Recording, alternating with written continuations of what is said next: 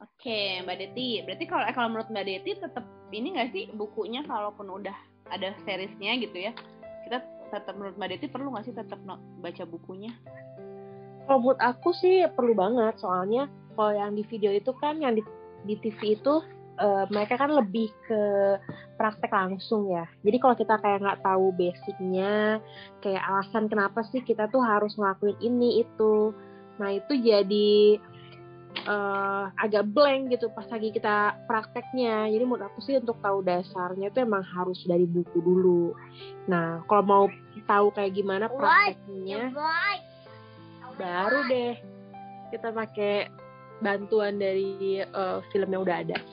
Nonton jadi lebih kebayang gitu sih sebenarnya ya. Benar, benar banget, benar banget. Nah, kalau uh, menurut Bampi ini kan um, mereka ini kan um, metode yang dikenalkannya dari Jepang ya. Nah, tapi kalau kita lihat di filmnya itu kebanyakan kan orang luar ya. Maksudnya bukan orang Jepangnya sendiri. Dan mereka itu kalau aku lihat uh, ini kan dari segi prakteknya nih ya. Kalau aku, uh, aku lihat kan mereka lebih ke kayak stres gitu dengan dengan kehidupan mereka yang harus beres-beres gitu ya. Nah, tapi applicable nggak sih sebenarnya untuk dipakai di di di negara lain gitu?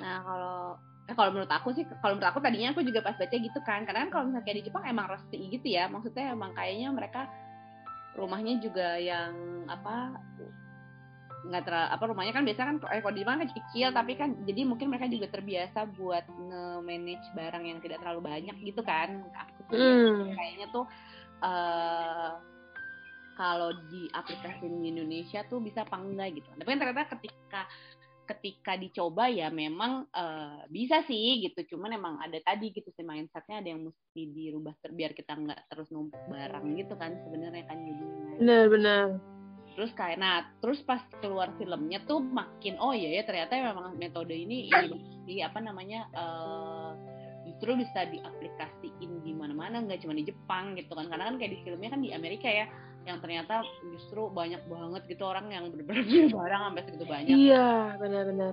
Terus yang kayak menurut aku tuh ininya sih si metode ini tuh uh, apa namanya kategori pemilahan barangnya gitu loh mbak Det kan dia kan nge jadi ngasih PR gitu kan. Jadi kan kayak dia kan ngasih tahu tuh di bukunya kayak urutan-urutan yang harus diberesin gitu kan. Kayak pertama brokin baju dulu gitu atau yeah. jadi ibaratnya tuh kayak barang-barang yang yang penuh kenangan yang kayak gitu-gitu kan justru kan justru kan kita kalau ngeberesin barang kadang-kadang mulainya dari situ atau dari perintilan gitu kan. Betul Dan, betul. nah jadinya ujung-ujungnya malah lama di situ terus jadinya nggak kelar-kelar kan gitu kan kadang-kadang iya. di situ gitu. Oh ternyata pas yang kayak baca si KonMari method ini oh ternyata emang iya ya kalau misalnya kita mulai dari situ itu jadi dibelakangin gitu kan karena ternyata si barang-barang yang penuh attachment ini emang bakalan lama gitu kan. Jadi benar uh, udah beres dulu udah mungkin kalau kalau kata si Marie Kondonya tuh udah ngerasain uh, apa namanya perasaan senengnya ketika barang-barang ini nggak ada gitu kan ketika melepaskan si barang-barang ini gitu jadi untuk barang-barang yang uh, em apa emotional things gitu ya dibilang ya emotional things mm. bisa lebih mudah juga gitu karena nanti itu belakangan gitu kan di iya benar benar benar benar banget gitu. jadi iya ternyata ya applicable ya kalau men kalau menurut aku ya. Maksudnya iya. di, walau apa namanya setelah dicoba dan dipraktekkan ya cukup applicable gitu kan. Terus kayak pas lihat di filmnya oh makin oh ternyata emang di ya bukan cuma di Jepang doang juga sih gitu uh, bisa dilakukannya gitu sih iya. benar-benar. Aku juga lihat di bukunya ternyata uh, barang yang dibahas itu itu nggak cuman kayak barang-barang yang sehari-hari kita pakai ya. Bahkan kayak ngob uh, kayak kabel yang ya. kita pasti kan di rumah pasti nemu tuh kayak ini kabel apa sih? Uh, kayaknya kita pernah make tapi perlu pakai lagi apa enggak sih? Nah sampai sedetail itu loh mereka ngebahasnya ya. Jadi yeah, bukunya yeah. tuh benar-benar uh, ya, banget untuk segala jenis barang sih menurut aku Iya, terus dia dan yang aku suka tuh kayak dari dari metode ini tuh kayak dia ngebreaknya per ruangan gitu kan. Jadi kan dia bilang yeah. per ruangan, terus per kategori gitu kan. Jadi apa di ada uh, detail banget gitu loh dia break breakdown si kategorinya gitu. Mm, bener banget. Setiap kategori ini treatmentnya juga beda gitu kan. Kita Iya, benar-benar. itu beda gitu. Kayak misalnya apa namanya eh, di dapur, terus abis itu pindah ke dan yang dan yang terus yang aku suka lagi tuh sebenarnya kalau di consumer method ini kan dia kayak yang punya barang yang harus memberesin gitu. Jadi Iya. kayak kayak ada yang si apa namanya kayak kamar biasanya kan kita kan kalau kamar kan kadang-kadang barang-barang anaknya kita beresin gitu kan badet ya. Kalau kita Iya, betul. kalau di sini kan dia justru ya anak kalau anak ini sudah bisa dilibatkan untuk ngeberesin barangnya ya dia yang suruh beresin gitu. Karena attachment dia yang yang tahu mana barang yang sparks joy mana barang yang akan dia keep dan mana yang dia apa namanya let go gitu kan. Itu si yang punya barang gitu yang tahu gitu Iya, iya, benar banget, benar banget. Nah, dan eh, yang paling PR tuh emang sebenarnya kan beresin barang-barang perintilan itu ya, yang kecil atau barang kayak di gudang tuh, yang Mm-mm. semua barang yang kita anggap kayak akan pakai lagi, akhirnya kan masuk ke gudang tuh. Nah, ternyata di eh, buku ini juga kan dijelasin tuh kayak barang-barang yang kita simpen di storage pun kayak gudang pun ternyata masih bisa kita rapihin gitu. Jadi nggak bikin stres ya bener ngebantu banget sih. Karena ya gitu ujung-ujungnya kan kalau misalnya kayak semua ditumpuk di gudang ya jadinya nggak kepake gitu kan. Ketika kita butuh barang kita jadinya beli gitu. Bukan kita cari ke gudang sebenarnya. Karena kita sendiri nggak tahu gitu di gudang tuh isinya apa gitu kan. Karena udah nggak iya. tahu di gudang tuh isinya apa gitu. Iya iya. Iya nah kayak ngelihat apa terus gudang rap kayak gudang rapi laundry room rapi gitu loh. Itu kan kayak kalau di Indonesia di budaya kita gitu ya itu kan kayak ruangan-ruangan yang terlupakan gitu kan ruang-ruangan yang nggak iya. mungkin gitu loh di rumah-rumah di budaya kita ya gitu kan. Mm-mm. Gitu. benar-benar nah. Enak banget sih. Iya. Jadi emang recommended banget ya buku ini ya. Recommended banget buat segala usia sih kalau menurut aku kayak nggak ada batasnya. Kayak orang yang em, baru misalnya mau pindah ke kosan ya. kayak pelajaran mau pindah ke kosan atau misalnya kayak kita mau punya rumah baru kayak pengantin baru mau pindah ke rumah baru di mereka. Terus bahkan yang udah punya anak dan bahkan sampai kayak umur berapapun juga perlu banget. Soalnya eh, PR-nya kan emang kalau kita harus eh, cluttering tadi itu ya. Di Klaten Nah, apalagi kalau ya, apalagi kalau rumahnya udah pernah ditempati sama beberapa generasi. Nah, itu udah udah wajib banget sih menurut aku eh, pelajarin Hormat metode ya. ini. di konmariin gitu Iya, dikonmariin gitu. Hmm, dan emang menariknya kan buku ini sampai bestseller ya. Malah kayaknya sampai dapat awards juga. katanya banyak merubah hidup orang gitu, katanya Ya, benar. itu bener sih Iya, jadi emang salah satunya aku juga. Tapi menurut aku sih emang em, selain itu juga perlu komitmen juga.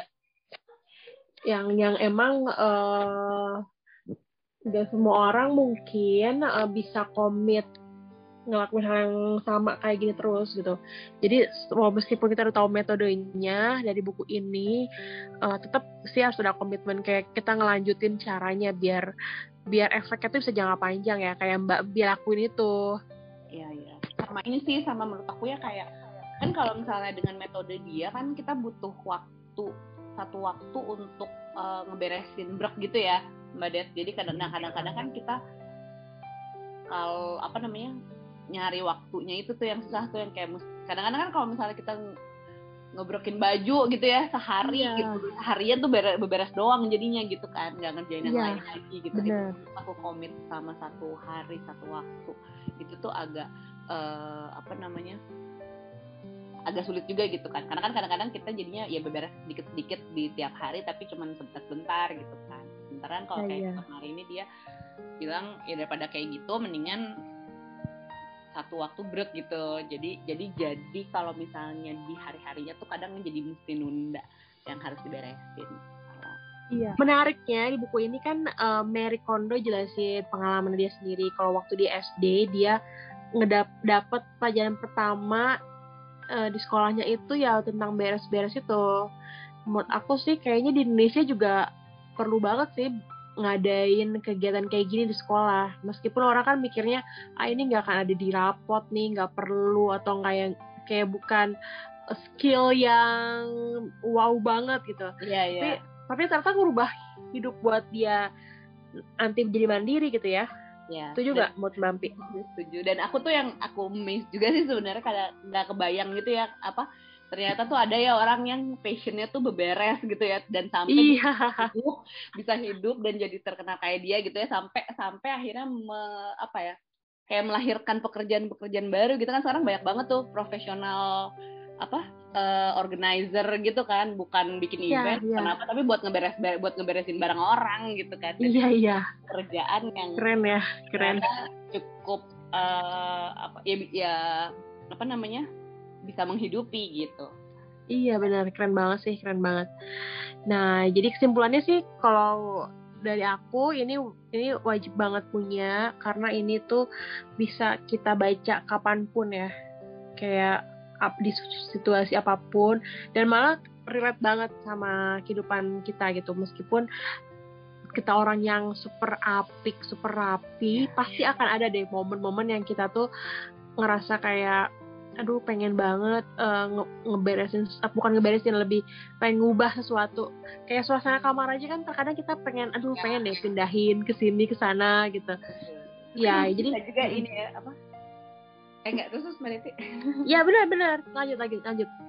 Nggak terus kayak jadi bisa juga gitu. Maksudnya buat orang yang mungkin emang udah apik banget gitu jadi kayak kepi terinspirasi gitu. Oh iya ya. Mungkin dia punya metode-metode yang sebenarnya lebih canggih daripada Marie Kondo gitu. iya benar-benar.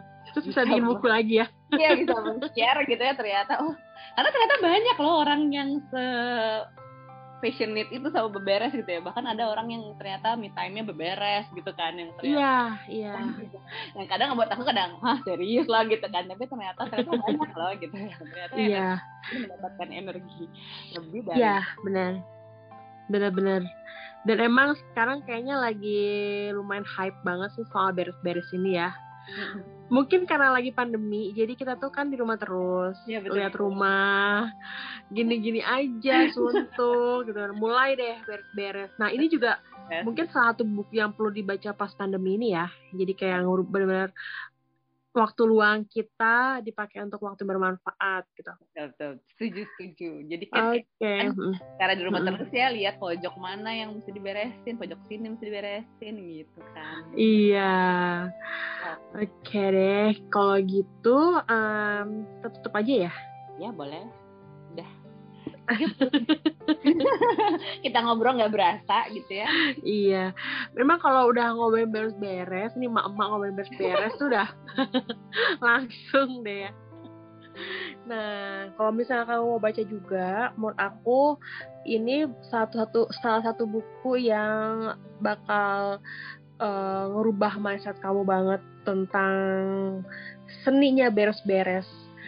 Terkadang kita meremehkan pekerjaan beres-beres, tapi sebenarnya beres-beres itu salah satu kegiatan yang eh, bisa ningkatin apa pun di kehidupan kita ya, mulai dari produk- produktivitas kita kerja, mood kita, terus apa lagi nih, Eh, biaya juga mungkin. Yang tadinya kita eh, ngerasa kayak eh, apa kayak nggak nggak punya nih barang ini, ternyata pas beres-beres eh ketemu gitu. Nah, itu- gitu ya Iya, jadi kayak kayak banyak banget sih manfaatnya. Kalau Mbak Ambi, Mbak Ambi mau nambahin apa nih? udah sih menurut aku ya itu aja jadi mungkin apa namanya eh, jadi punya perspektif baru sih tentang beberes gitu tentang rumah bukan cuma sekedar pekerjaan eh, hari-hari yang ya ya udah ah udah- ya udah udahlah kerjaannya mbak gitu atau kerjaan Iya. mak gue gitu kan Mm, benar. Ketika kita owning si ya tadi gitu kan kayak si Marie Kondo bilang yang punya barang yang harus diberesin gitu karena ya tadi karena si ternyata kalau kita dikelilingin sama barang-barang yang bikin kita happy ya mungkin kita juga jadi lebih semangat sih ngejalanin hidupnya gitu. Iya. Kayaknya weekend ini seru juga nih beres-beres. langsung ya, beres-beres ya langsung langsung menerapkan. oke kalau gitu sampai ketemu di ngobrol dosen ngobrolin buku selanjutnya ya mbak Det ya Iya. Ketemu lagi. Dadah.